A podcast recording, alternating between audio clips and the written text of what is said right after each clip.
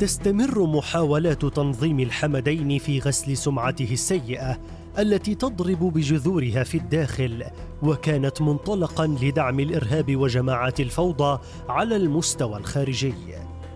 الحمدين يسعى جاهدا لمحو حقيقة إطاحة حمد بن خليفة بوالده أمير قطر عام 1995 والذي يعرف بالانقلاب التلفزيوني. في مشهد البداية لسلسلة خيانة أمراء قطر لأشقائهم في الدول العربية والإسلامية. ففي السابع والعشرين من يونيو عام 1995 قاد حمد بن خليفة آل ثاني انقلابا على والده خليفة بن حمد آل ثاني الذي كان يوجد خارج قطر آنذاك. هذا التاريخ الذي يحفظه القطريون جيدا.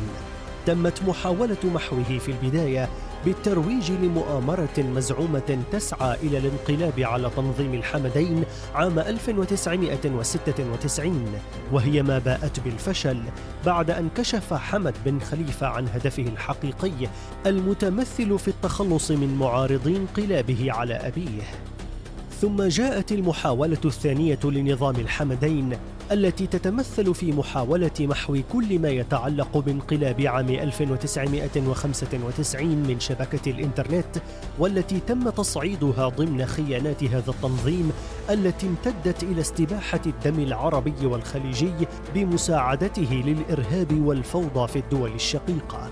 لما النهارده آه، آه، يروح يشتري آه، عملية تزوير جديدة لتاريخ قطر بأنه يشيلها من الويكيبيديا اللي موجودة على الإنترنت تمام؟ علشان خاطر ما يتقالش عليه إنه كان انقلاب هو يسمى لنا إيه اللي حصل ده؟ وهنا وجب التذكير بحقيقة انقلاب الابن على الوالد الذي شكل تاريخ تنظيم الحمدين الأسود على مدى عقود وتسبب في تهميش وضياع ثروات الشعب القطري.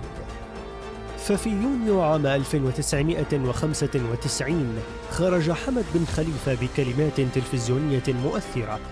زعم فيها تأييد العائلة الحاكمة والشعب القطري لخلافة والده الذي كان في طريقه إلى أوروبا لقضاء عطلته السنوية الصيفية. واستند حمد في ذلك إلى لحظة استقباله شيوخ قبائل الأسرة الحاكمة القطرية وأفرادها في مشهد بدون صوت. بدا وكأنه تأييد لذا يسمى بالانقلاب التلفزيوني. وفي عام 1996 اتهم حمد عددا من أنصار والده بتدبير محاولة انقلابية جديدة من أجل استعادة الحكم واتخذ ضدهم إجراءات تعسفية وألقى القبض على العشرات ولاحق كل معارض ومنشق في الداخل.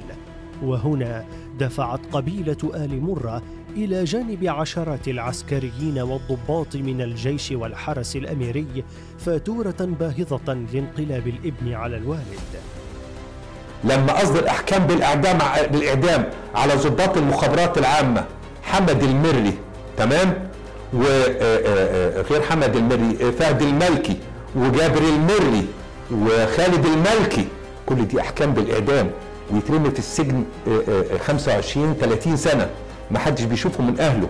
ما فيش مرتب آه، أو معاش يقتاتوا منه ولاده وأهله.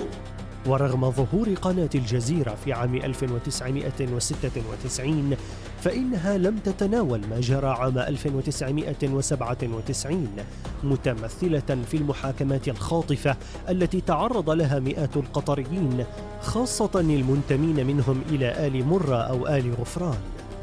وإذا كان تنظيم الحمدين يحاول جاهدا تزييف الحقائق وغسل سمعته السيئة داخليا وخارجيا فإن آثار سياساته الإجرامية لا يمكن محوها خصوصا أن ضحاياها ما زالوا يطالبون بمحاسبته دوليا على جرائمه التي ترتقي لجرائم حرب.